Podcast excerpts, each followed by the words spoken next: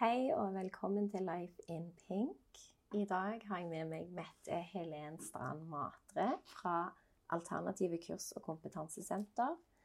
Hun er psykiatrisk sykepleier, kognitiv terapeut og NLP-ekspert. Og i dag skal vi snakke litt om angst. Og hva er egentlig angst? Ja, det er et godt spørsmål, eh, Marita. Jeg tror det at eh, Hvis du ser her eh, Den som hører på, kan jo ikke se. men Der har jeg en liten hjerne. Jeg tror jeg begynner begynne å forklare uh, ut ifra hva som skjer i hjernen, på en helt enkel måte. Og liksom, når jeg forklarer hva angst er, så gjør jeg det på min måte. Det er sikkert utrolig mange måter å forklare uh, dette på. Og min måte er ofte litt sånn jeg prøver å gjøre det så enkelt som mulig, fordi da er det lett å forstå for folk flest. Mm. Og så må jeg jo òg få lov til å si det at det høres kanskje rart ut. Angst Nå har jeg jobbet som terapeut i 15 år. Og angst er jo både det jeg pleier å jobbe mest med, og det er faktisk òg noe av det som jeg syns er mest interessant. Mm.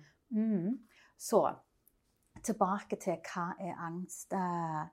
Det som skjer i hjernen, der er det en primitiv del som heter amygdala. Og den styrer frykt, flukt og aggresjon. Og trus ved trusler så sender han signaler ut om fare. Og det påvirker det som vi kaller det autonome nervesystem, som fyrer opp en del kroppslige reaksjoner. Og det, det du opplever da, den som opplever å ha angst, da, kan oppleve, det er f.eks. at du får en opplevelse av panikk, frykt, i en situasjon som du faktisk er trygg i.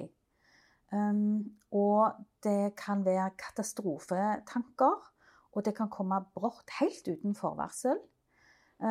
Du kan oppleve pustevansker, kvelningsfornemmelser, hjertebank, svette, skjelving, smerter i brystet, kvalme, svimmelhet. Du kan bli nummen, sånn, få en sånn følelse at du blir nummen. Og en opplevelse av å besvime. Og det er heller ikke så sjelden at det, det er dødsangst, fordi reaksjonene er så sterke. Så det er klart at dette er virkelig dette er et sterkt ubehag.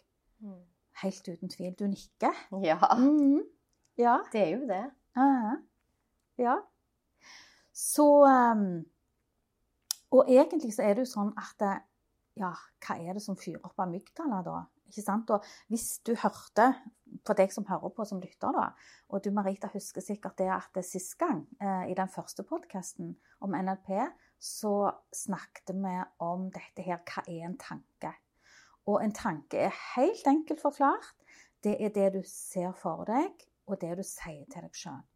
Og mange av disse her tankene de kommer helt automatisk, sånn at du er ikke bevisst at det skjer engang. Og det skjer så utrolig fort. En forut for en opplevelse eller en følelse som du har, så, er, så kommer det en tanke. Og det er på en måte eh, der nøkkelen er for å ha det bedre, forstå liksom hva som skjer. Mm.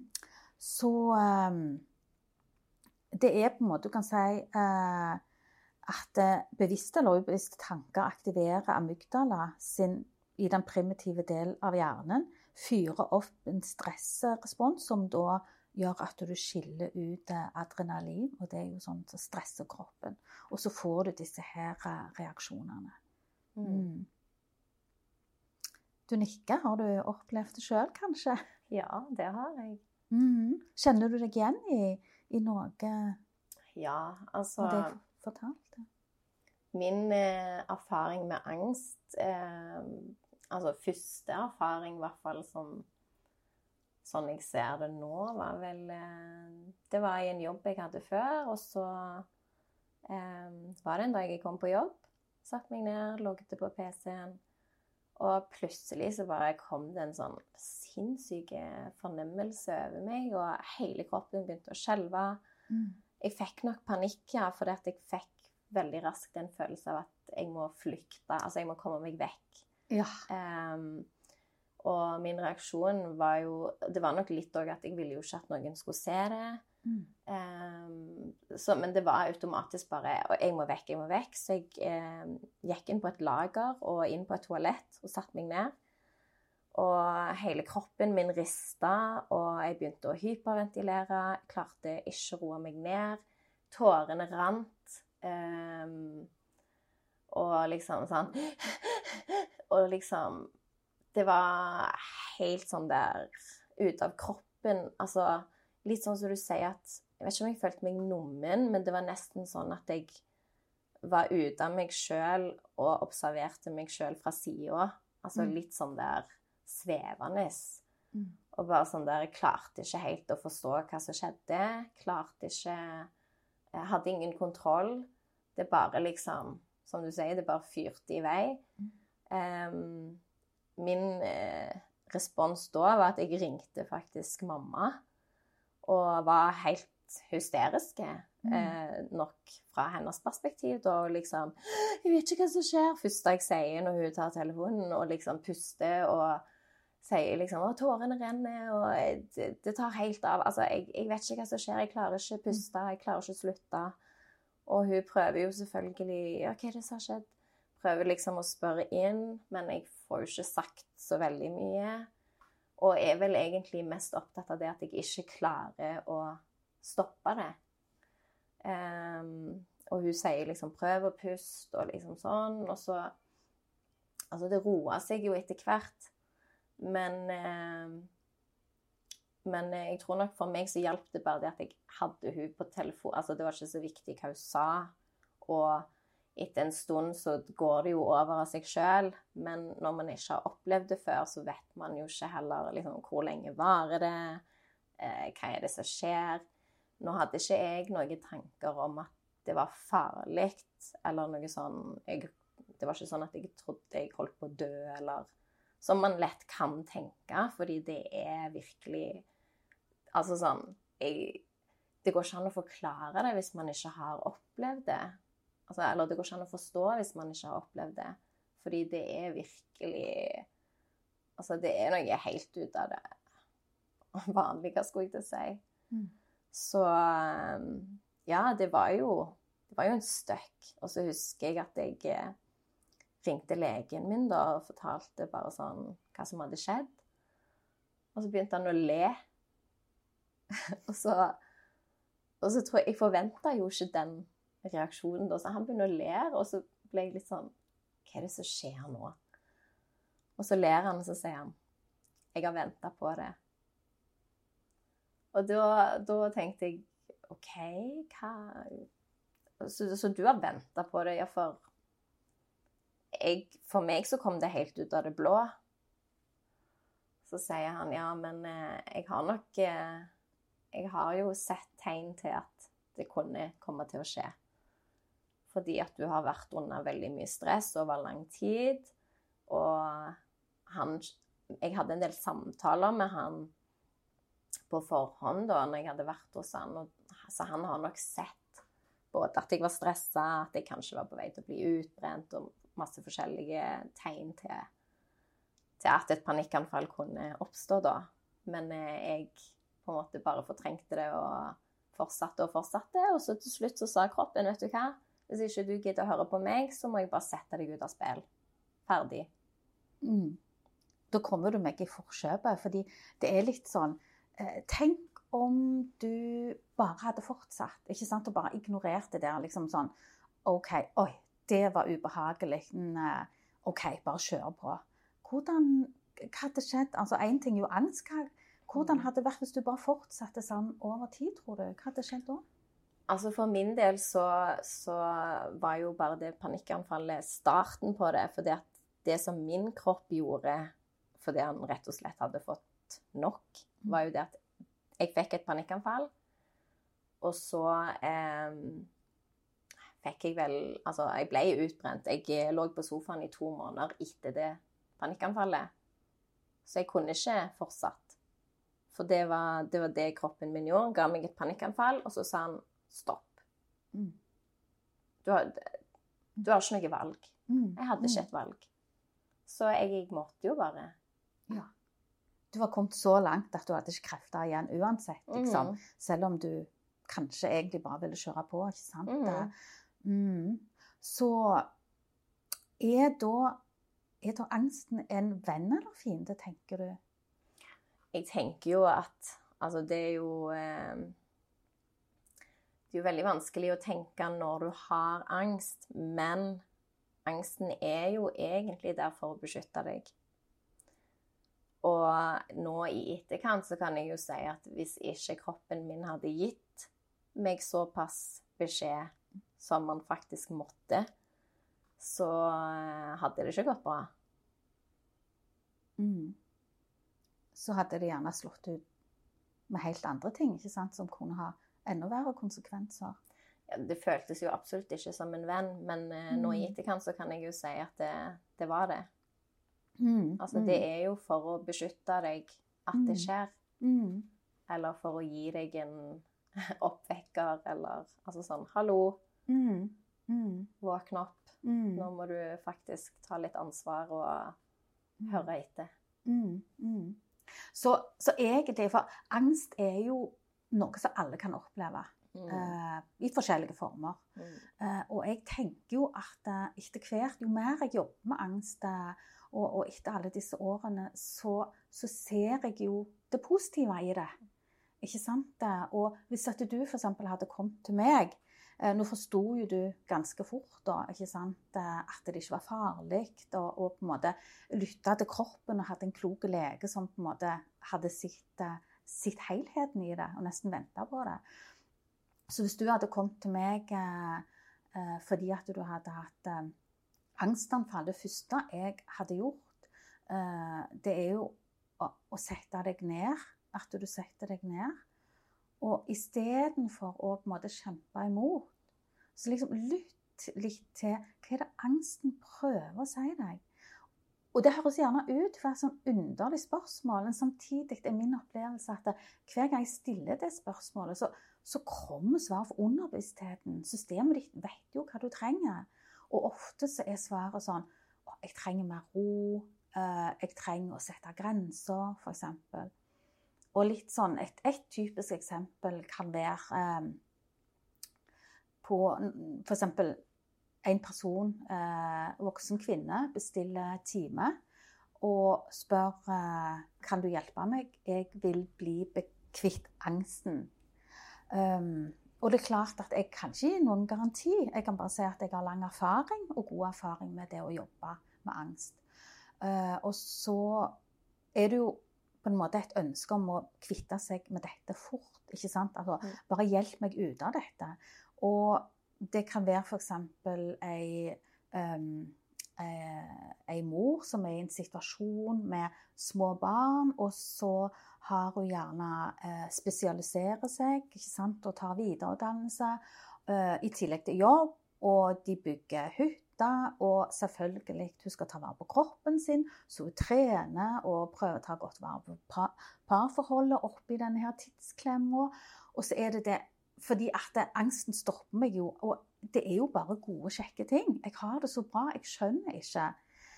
Så det er klart at hvis vi da bare hadde fjernet angsten, så hadde hun bare kjørt på. Så da stopper jeg opp og sier liksom, la oss utforske dette litt.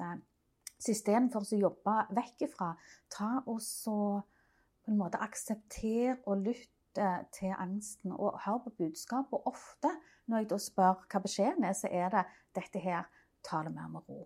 Jeg må roe ned. Og så er det utrolig viktig at det er der vi begynner, sånn at vi gjør noe til årsaken, og ikke bare tenker at det, liksom, det skal være sånn quick fix, ikke sant? og så bare fortsetter du. fordi da blir angsten sånn som du beskrev så godt. Altså, hallo, Marita, skjønner du ingenting? Så her må jeg bare slå til enda mer, ikke sant? Så, så sånn sett så er jo angsten en beskyttelsesfaktor som er utrolig viktig å lytte til og ta på alvor. Mm. Mm. Det er jo det. Har du hørt uh, sangen til Onkel P?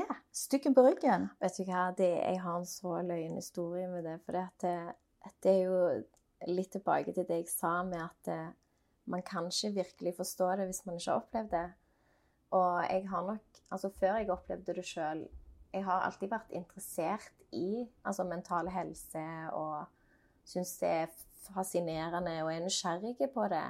Og har på en måte hatt en tanke om at jeg forsto det og på en måte hadde empati, altså sånn. Men det var jo ikke før jeg opplevde det sjøl, at jeg forsto at Vet du hva? Dette er virkelig Altså Så greia er at jeg hadde jo hørt denne sangen, men egentlig uten å tenke over det. Og det er jo litt det der òg at det er ikke før man har vært Det er litt det der at hvis du vet, så vet du. Og så husker jeg eh, etter jeg faktisk opplevde det panikkanfallet, da, så satt jeg i bilen med lillebroren min, og så kom den sangen på. Og så har vi sikkert Og jeg likte godt den sangen. Og så hadde vi sikkert kommet halvveis i sangen, så sier jeg 'Herre mann, styggen på ryggen er jo angst'. Mm. Men jeg hadde ikke tenkt over det før. Og da måtte jeg jo inn etterpå og se den der musikkvideoen.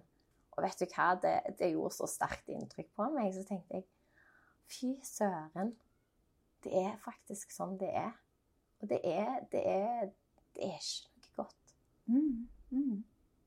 Og det er jo, det er jo sånn som du sier òg, selvfølgelig, og det, det forstår jeg òg, at de fleste er sånn Ja, men det er ikke så nøye med hvorfor. Det er mer sånn Ja, men hvis jeg bare får vekk angsten, så er alt greit det er liksom angsten som er problemet. Men den er der jo for en grunn.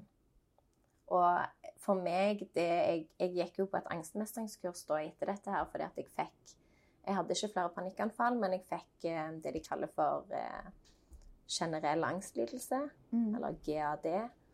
Eh, så det var mer sånn at det, Det ble nok aldri såpass sterkt at jeg fikk et anfall, men jeg kunne få på en måte forverringer, altså mer eller mindre angst i visse situasjoner. Og når det forverres, så hadde jeg jo òg tanker om at det var veldig ofte uten grunn. Men jeg, var ikke, jeg hadde ikke den der angst for angsten som veldig mange snakker om. Det snakket de om på kurset òg. Men jeg lærte veldig mye på det kurset, og som sagt så syns jeg jo det er veldig interessant.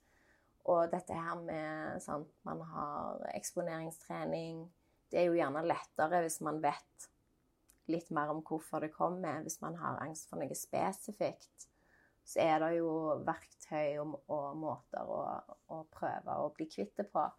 Men det er For min del så fant jeg jo ut Altså med det å begynne å bli nysgjerrig er for det første aksept.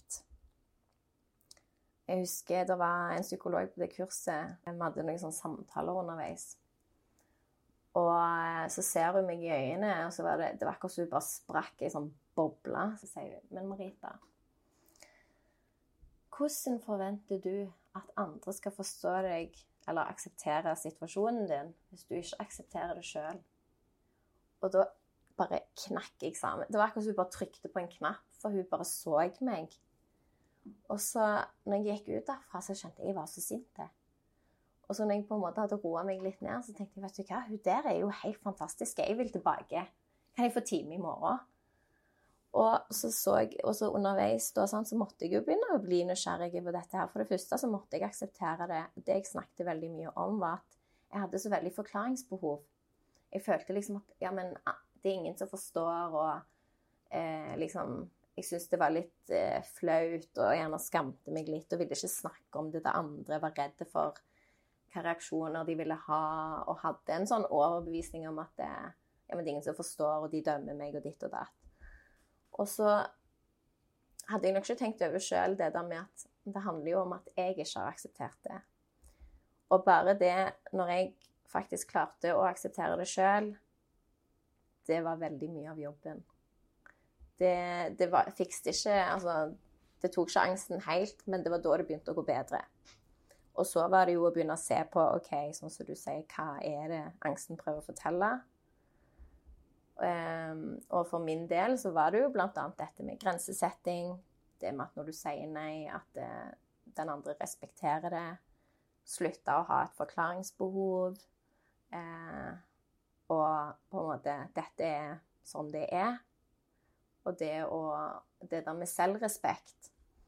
Og så lærte jeg òg uh, et nytt ord, for jeg husker de snakket mye om Å, nå må jeg ha tunga beint i munnen her. Hva Altså ikke Ikke selvmedlidenhet, men selvmedfølelse. Og så var jeg sånn Ja, men eh, jeg syns jo ikke synd på meg sjøl. Altså, jeg er jo ikke altså, Det er jo selvmedlidenhet. Det hadde jeg veldig mye motstand for. Sier de ja, men det er ikke det vi snakker om. Vi snakker om selvmedfølelse. Ja, men hva er det? Nei, det er jo at du faktisk Det handler jo òg om aksept. Det der med at OK, når du føler noe, om det er angst eller om du er lei deg, sånn som du sier, bare la det være. La det komme. Sitt der og OK. Si til kroppen din at OK, nå, nå kjenner jeg at du er lei deg. Mm. Det er helt greit. Da er vi litt lei oss nå. Og så går det over.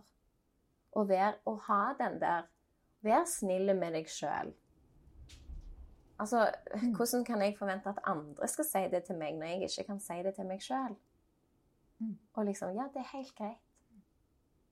Og du beskriver det så godt, fordi eh, tidligere eh, Jeg har en opplevelse at det svært ofte, så når angsten rammer, så er det så sterkt, og så kjemper du imot. Og så er det som jeg sier, at det, det er jo dette her at eh, Nå skal vi gjøre helt omvendt. Du skal akseptere angsten, og sammen så skal vi være nysgjerrige på hva er det dette handler om. Og av og til er det en årsak, og av og til det skal vi komme tilbake til, kan det være helt andre, helt andre enkle ting. Men det å på en måte lytte til kroppen og spille på lag, dette her med eh, omsorg, ikke sant? Fordi at det, nå har jeg det ikke greit. Så liksom det å tenke på angsten som om Sånn som du ville tenkt på en venn. Mm. For eksempel, så hvis vi tenker på 'Styggen på ryggen' eh, Jeg også er veldig veldig glad i den sangen. Og når jeg hørte den første gang, da hadde meg og Erling sammen begynt å skrive på den boka som heter 'Styggen på ryggen'. For her i Rogaland kaller vi jo på en måte angst og, og på en måte negative tanker 'styggen på ryggen'. Og det var bare så Jeg stoppet bilen, og så var det bare sånn Wow! Tenk så kult, liksom. Og eh, å sette ord på det på den kule, stilige måten. Som, og sangen er jo bare så bra.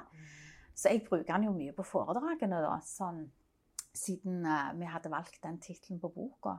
Mm. Og da er det litt sånn Styggen på ryggen, så blir på en måte kanskje den du snakker med mest når han først er aktivert, ikke sant? Er han ond eller dum?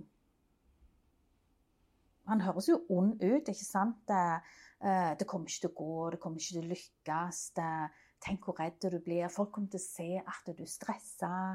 Um, du er ikke god nok, du er dum. Altså alle disse her nedsnakk, alt det der nedsnakket. Mm. Så det oppleves jo så ondt. Men uh, har du noen gang tenkt på at eh, når styggen på ryggen er der og begynner å snakke deg ned, hva er det som skjer da hvis han f.eks. sier et eller annet du kan grue deg til? Kan du komme på et eller annet? Nei, altså nå, nå når du snakket om det, så, så kom jeg på noe annet som handler om det samme. Og det var faktisk òg på det angstmestringskurset, så så jeg med en, en videosnutt som egentlig er lagt for barn. Og dette var jo et angstmestringskurs. Um, og det er noe sånn Alfred og skyggen, eller noe sånt. Og vet du hva? Det er den verste videoen jeg har sett i hele mitt liv. Altså, jeg, altså når, når jeg da satt der og, og opplevde dette her, og jeg så i denne videoen, og det er jo da Det er liksom Han går med denne skyggen, og så er der eh, Det er et eller annet sånt det er en detter ned i et hull. Et mørkt hull liksom i bakken. Og så kommer skyggen ned, og så blir han sånn kjempestor, akkurat en sånn demon som står over. Og liksom sånn Du er stygg, du er ikke god nok, du er Altså bare masse sånn selvkri... Altså sånn kritisk, kritiker, skulle jeg til å si. Og vet du hva? Jeg begynte å grine. For det, det var da jeg innså Herre mann. Altså, jeg hadde jo den reaksjonen fordi at det, det var kjent for meg. Og jeg bare Fy søren. Og det var der med den der selvmedfølelsen. Mm. Og, så, og der ender jo opp med at skyggen da på en måte Når de kommer opp igjen av dette hullet, så, så går han videre, og skyggen er der, og så går han, og så snur han seg for å se på skyggen, og da begynner skyggen liksom å vokse opp. Og så snur han seg, og så Og så liksom går skyggen ned igjen, og så blir han litt sånn liten. Men han følger han videre, da.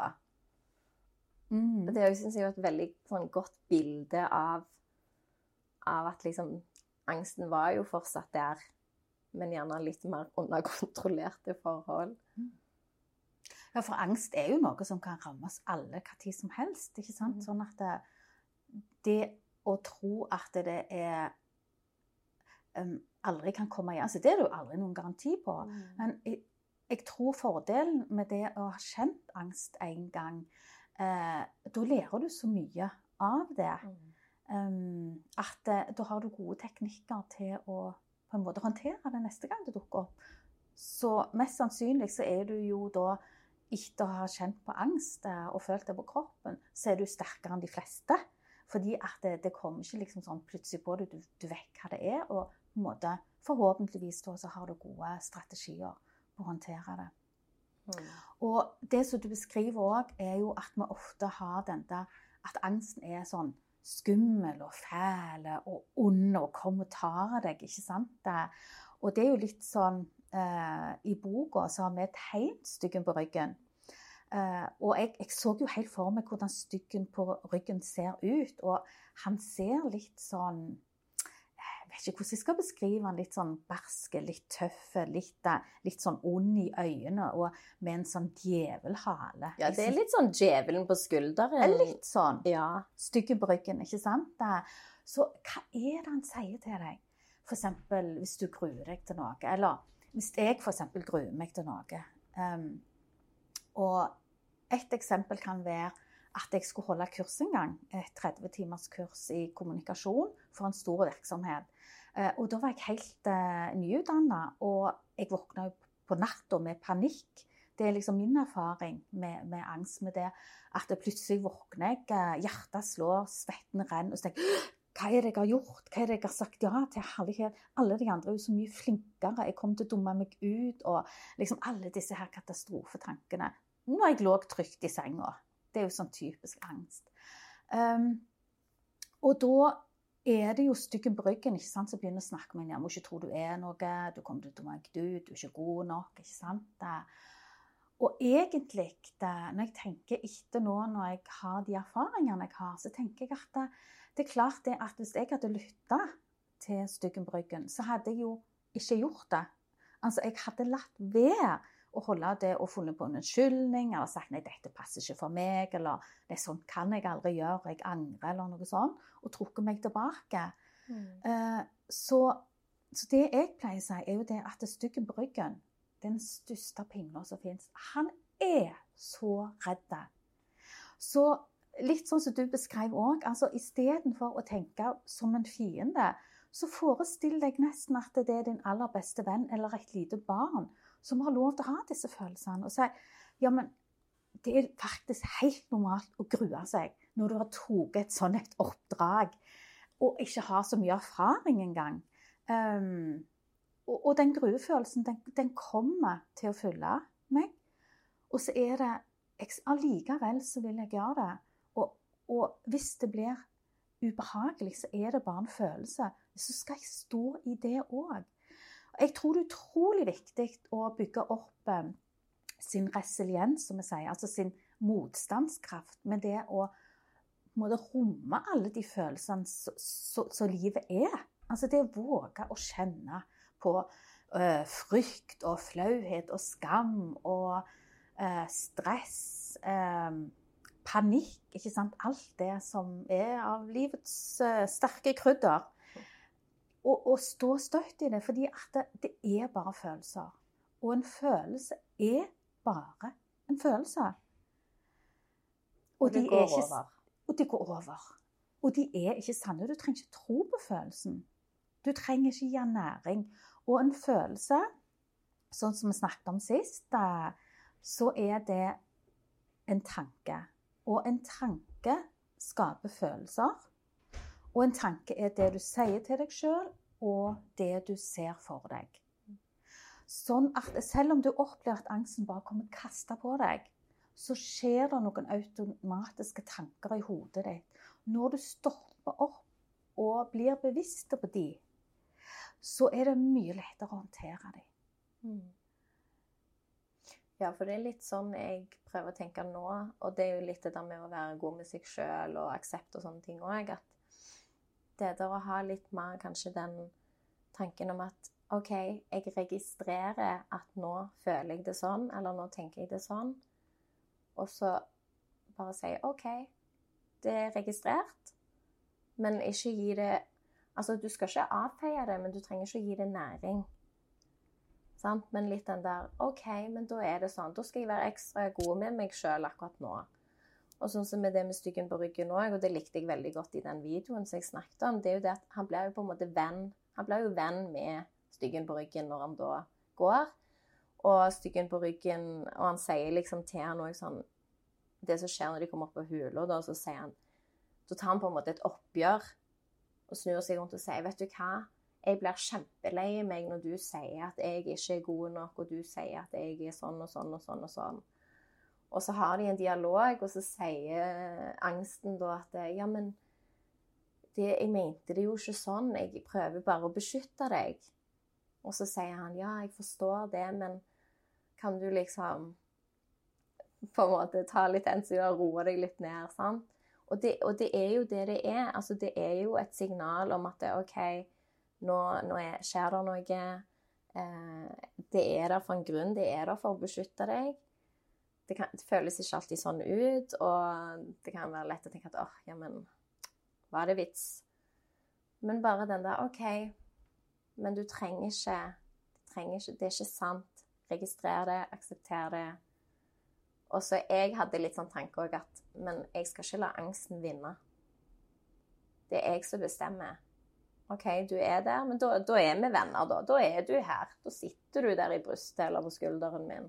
Og så gjør vi det likevel. Mm. Og når du ikke er redd dine egne følelser, hva er det da å frykte? Da er du sterk, ikke sant? Altså, Hvis du klarer å stå i det. Og, og jeg tror faktisk at det er Det er har en høy verdi for tida. At vi skal, Du skal ikke bare tenke positivt eller på en måte fokusere vekk. Eh, romme det som, som er. Mm. Um, og vi kan jo gjøre et lite eksempel på det. Og du som hører på, og du Marita, skal få en liten oppgave. Og det er Du skal gjøre akkurat sånn som jeg sier nå. OK, er du klar? Ikke se for deg en rosa elefant med hvite joggesko. Du ler. Hva skjedde? Jeg så for meg en rosa elefant med joggesko. Selvfølgelig. Selvfølgelig. Jeg sa jo at du ikke skulle gjøre det. Ja, men hjernen min hører ikke ordet 'ikke'. Det er ikke bare din hjerne, Marita. Det er sånn, Alt det vi tenker i såkalte negative sjoner, altså alt det vi ikke vil ha, alt det vi er redde for, alt det vi tenker ikke, det kan du bare sette et kryss over. Fordi hjernen er ikke programmert til å forstå det. For å, for å på en måte forstå, så, er, så lager den en forestilling på det du ikke ønsker, for å på en måte fokusere vekk ifra det. Og da har du allerede skapt det.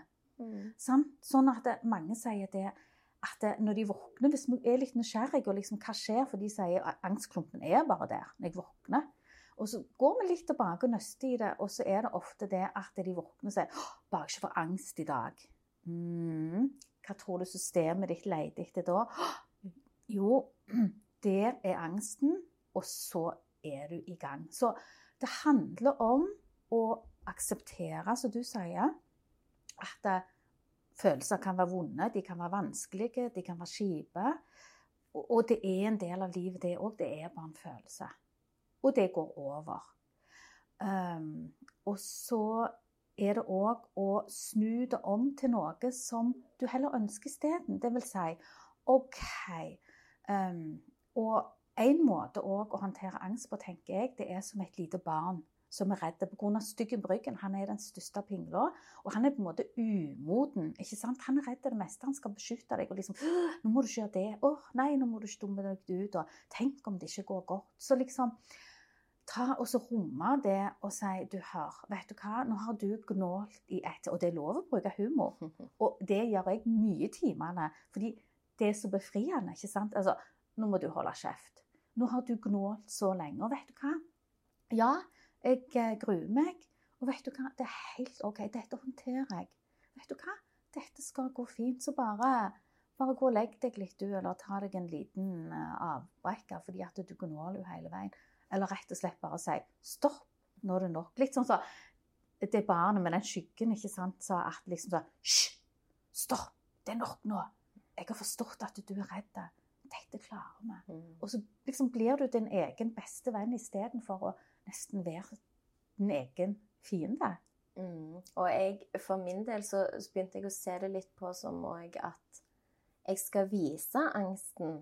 Altså Kanskje Jeg vet ikke om det Det kan jo være en slags form for eksponering. Men hvis jeg kjente at jeg var i en situasjon der plutselig det kom litt trykk i bryst, altså at det, angsten på en måte ble større, da, så var det nesten sånn at OK, men jeg skal gjøre det for det om, fordi at det blir en form for eksponering for å vise deg at se, da, det gikk fint. Og så ble det nesten en sånn konkurranse i hodet mitt om at hver gang jeg kjente at jeg hadde litt angst, så var det sånn at OK, men jeg må jo bevise for meg sjøl at det er trygt. Så når jeg da likevel gjør det, så beviser jeg på en eller annen slags måte at det går fint, og det vil da gjøre at ikke kommer neste gang, for da har vi jo sett at det går bra. Og litt det der med stopp òg, det syns jeg faktisk er veldig bra, det eh, Og det fungerer på mye. Jeg for eksempel er sånn at veldig ofte når jeg legger meg de kaller, Jeg vet ikke om det er lagenskrekk eller hva det er. men eh, Og det det er i hvert fall det samme hva grunn. Men veldig mange opplever jo det at når de legger seg, så begynner gjerne tankene Altså at du får tankespinn. Eh, og da fungerer det for meg altså da, For det første så puster jeg litt sånn dypere, altså sånn roer ned kroppen. Og av og til For det, veldig ofte så er det bare sånn Det er ikke nødvendigvis angsttanker. Det er bare all slags tilfeldige Altså sånn hm, Lurer på den kjolen der, og så Ja, den dagen der, og så helt sånn Bare tull.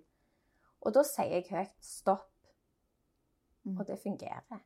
Og det er så bra, fordi det du beskriver òg, det er jo det at eh, det går nesten ikke an å ha angst uten at du har bekymringstanker. Eh, eller at du begynner å gruble. For det er jo det som er næringen. Det er jo det som er maten til angsten. ikke sant? Og det minner meg om eh, i boka vår 'I styggen på ryggen'. Der har vi liksom styggen på ryggen, og den andre kaller vi for, eh, for kongen. Ikke sant? Og det er litt sånn du kan forestille deg at du har både en konge eller en sjef inni hodet ditt, og så har du styggen på ryggen. Og så prøver de hele veien å slåss med hverandre. Og hvem tror du vinner? Den du fòrer mest. Yes. Den du gir oppmerksomhet.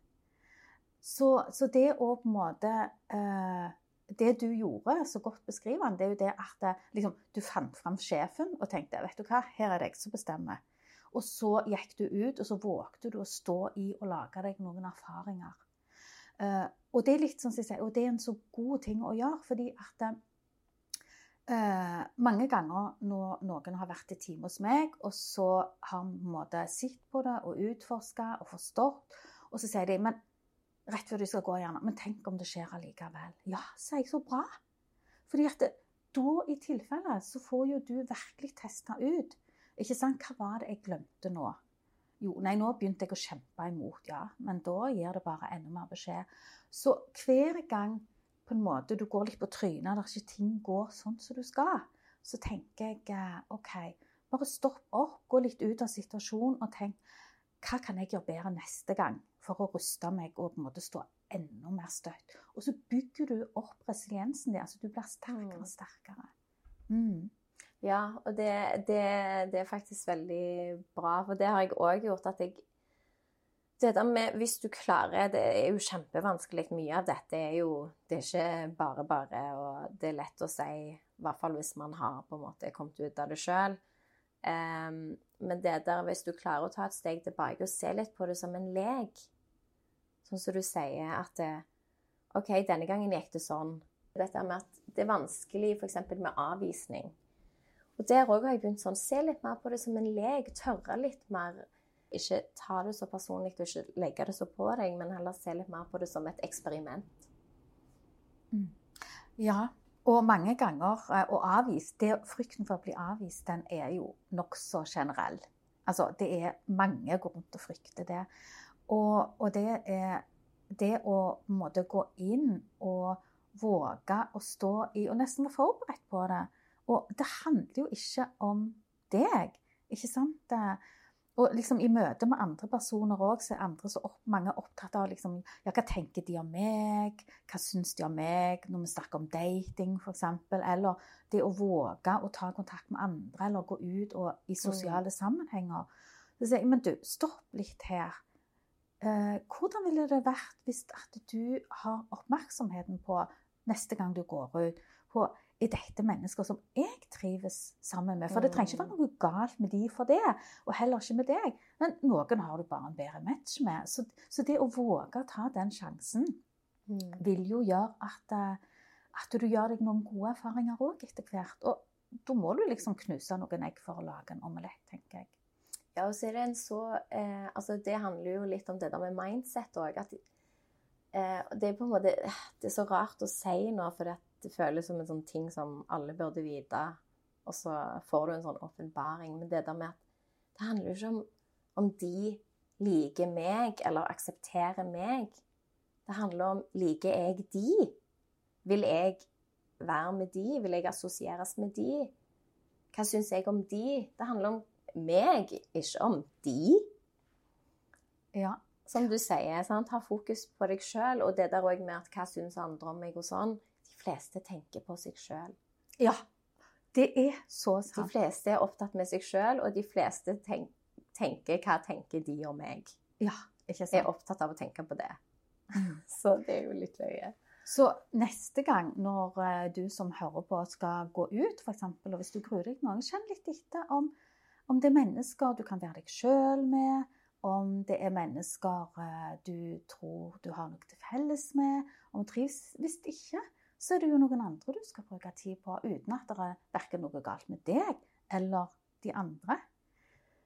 Så det er jo òg en måte å omprogrammere hjernen på. ikke sant? Og NLP handler jo om omprogrammering i mer hensiktsmessige tanke- og atferdsmønstre. Mm. Så, så når vi er inne på uh, dette her med årsaker til angst, så har vi jo snakket litt om dette her, at det kan være et eller annet. En beskjed, ikke sant, så systemet de prøver å fortelle, som er viktig å lytte til. Og det kan eh, godt være f.eks. Altså, noe så enkelt eh, som noe helt grunnleggende. Altså, sover du godt? Spiser du godt? Tar du godt vare på deg sjøl? Har du gode grenser i dine relasjoner, sånn at eh, du stort sett har det greit, og kanskje begrenser litt av tida hvis det er noen som tapper deg veldig for energi? Eller kanskje du skal rydde litt på tallerkenen og bruke oppmerksomheten og tida di på noen andre som du har mer til felles med? Dette her med Presser du deg for mye i forhold til karrieren din?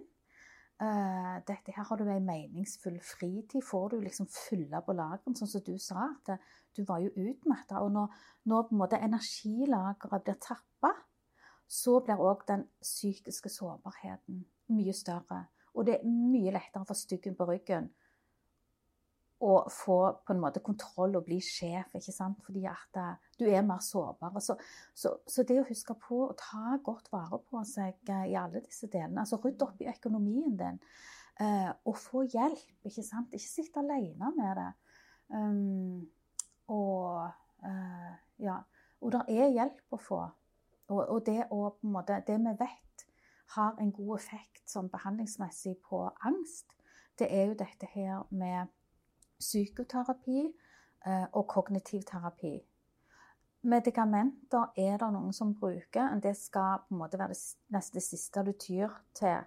eh, Og òg over korte tid, for det er mye viktigere på en måte å, å på en måte møte det, ikke sant, og på en måte gjøre noe med det. Av og til så må noen føle noen for å, at de trenger litt støtte. Mm. Så det er utrolig viktig at eh, angst er en helt normale reaksjon som kommer av en eller annen grunn. Og det finnes gode behandlingsmetoder, og du kan bli frisk. Enten så kan du få gode tips i denne podkasten, f.eks. Ikke sant? At du får eh, hjelp til selvhjelp. Og hvis ikke det er nok, så, så søk hjelp.